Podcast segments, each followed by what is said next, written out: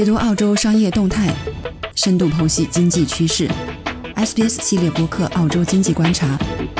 为您呈现最新的商业洞察。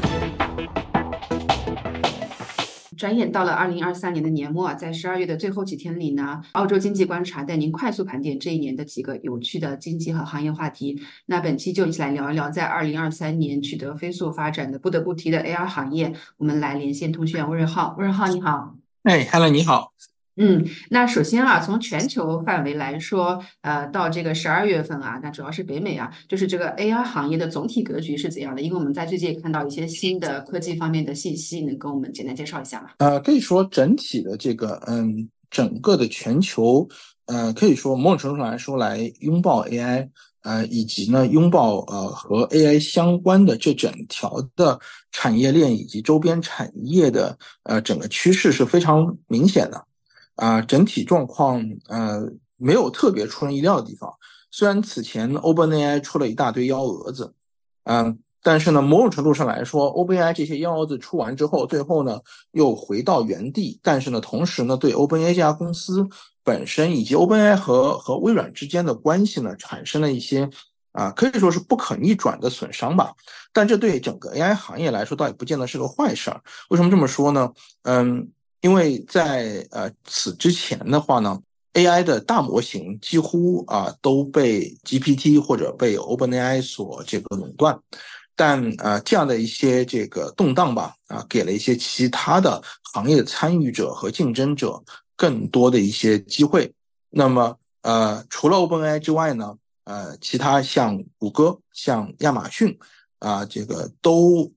对于呃 AI 的这个行业呢，进行了非常啊非常多的投资。那么现在可以说是看到了明显的更多的一些机会，而且从最新的这个像呃像谷歌呃发的一些啊新的 AI 的这些应用等等呢，可以看出他们正在追赶 OpenAI 的脚步。而除了北美为主的呃大型的 AI 的模型公司之外呢，其他像欧洲，尤其是中国呢啊也在不停的啊向这个方向发展。与此同时呢，带动的啊有非常多的呢啊不仅仅只是一个大家表面上看到大模型，而是大家在 AI 的这个大模型的基础上呢，它的配套以及的它的深入的应用呢啊都有进一步的发展啊，比如说配套的话呢有硬件的。我们知道芯片公司最近几年是非常非常厉害的，啊，同时呢，也有像啊云服务，啊像啊数据中心，啊，那么甚至呢软件的基建，啊数据中心要使用的，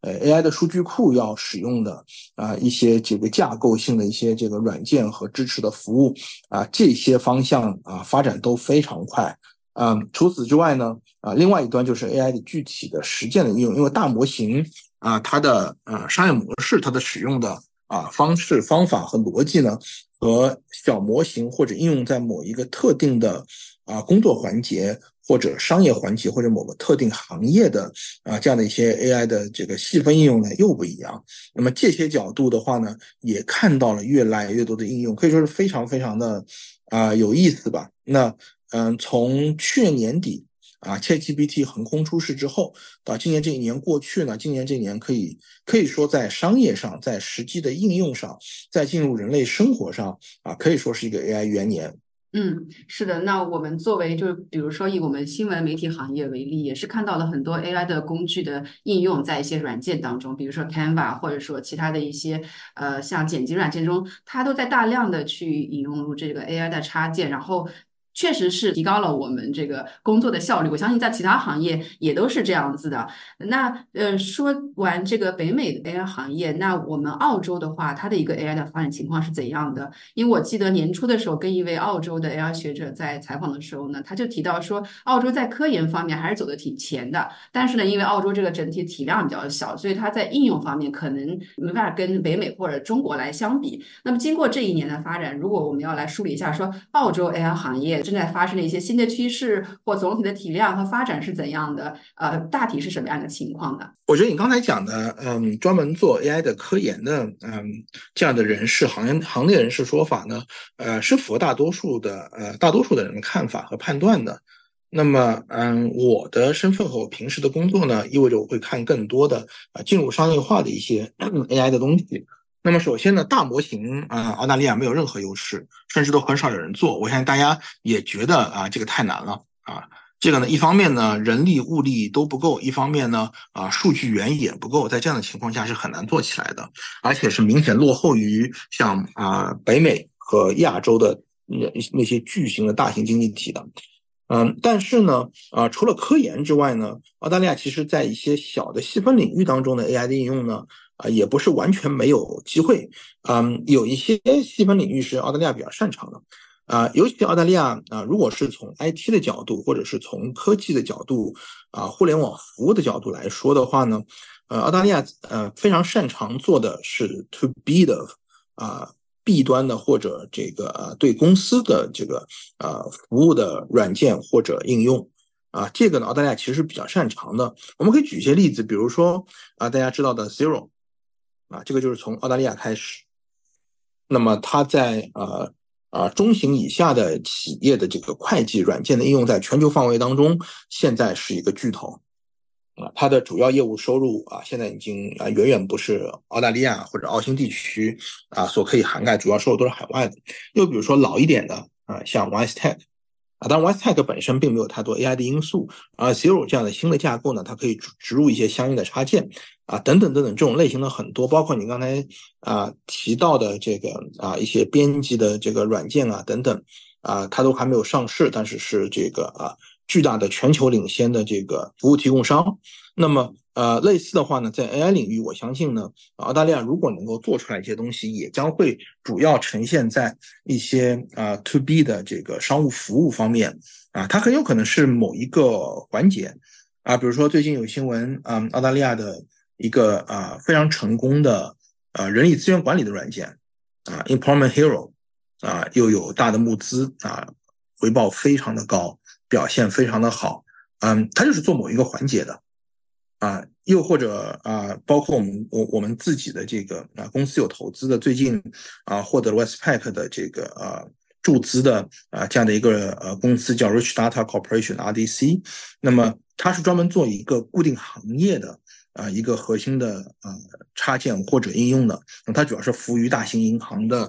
呃信贷审批啊，这个是非常非常专业的一个模型。它的整个的调试和使用，包括符合银行使用标准，需要很长时间的工作，但他们确实能做好。那么澳大利亚在这些方面是有特色的啊，甚至呢啊，最近啊这家公司啊去到美国啊寻求美国市场，那么美国的银行也很喜欢它的产品啊，在美国没有同类产品。那么在这些方面，澳大利亚其实是有特色的。澳大利亚是一个有创新和研发能力的这样的一个地区。那么受市场影响呢？呃，对消费端的呃一些啊，尤其是科技类对消费端的这样的一些产品和服务水平是不高的啊，这是市场所限制的。但是呢，企业服务是澳大利亚的一大特色。澳大利亚的服务业啊，是澳大利亚第一大这个行业，服务业当中最主要的全都是 professional service。啊，其中是大量的企业服务，甚至可以服务于全球的啊大型企业啊，尤其是个英语国家，所以在这方面也是有先天优势的。我相信未来的呃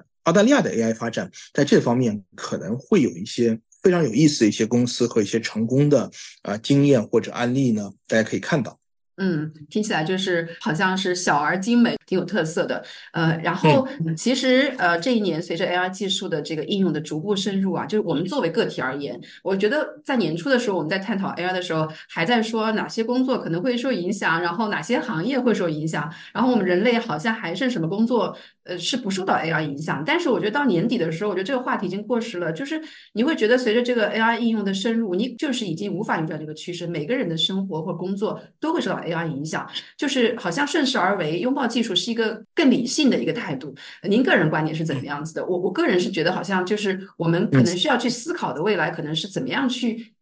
更好的用好使用它。然后我们需要的是怎么去给它发指令这样一些技能。您是怎么看待？就是从个体而言。嗯，从从个体的角度来讲，也没有什么可以特别紧张的，因为人类历史上发生过很多次大型的技术革命，这有可能又是一次很大技术革命。啊，每一次技术革命的发生，都会有有有某某些很特殊的行业或者很特定的行业啊，它的需求被下降，但并没有啊任何一次发生过啊技术的啊飞跃。啊生产效率的极度提高，最后导致全球失业和经济倒退啊。相反啊，这些所有东西都是提高你的工作效率。啊，会大量的刺激这个啊，你的生产力和生产效率的提高啊，你可以创造更多的产品、更好的服务啊，某种程度上来说，创造更多的财富。那么这些呢，分到每个人头上之后呢，大家平均的财富都会增长啊，平均的工作效率会增加啊，最后是提高你的生活水平的。嗯，也没有什么好特别担心的。相反的，更多的可能是我在每一个现有的工作岗位上以后。啊，我能不能用 AI 来提高我的工作效率？那这意味着什么呢？嗯，从消极的角度，意味着，哎，我这个工作可能本来两个人做，只有一个人做了，是不是我要失业了？但从积极的角度来看，啊，那会导致所有人的工作的运转会加速。那我原本只能做这些工作，那么有了这个 AI 之后，我一个人可以挡一个半人。那么相应的啊，因为我的产出增加了。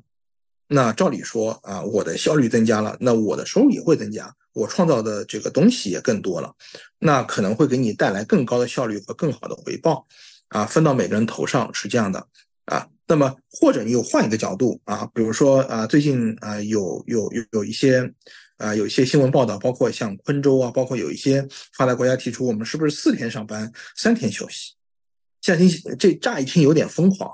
但是呢，如果我通过 AI 的这个应用，我现在的工作我是一个星期做完的，变成五天，变成四天，我五天干完的工作可以四天就做完，啊，同样的质量，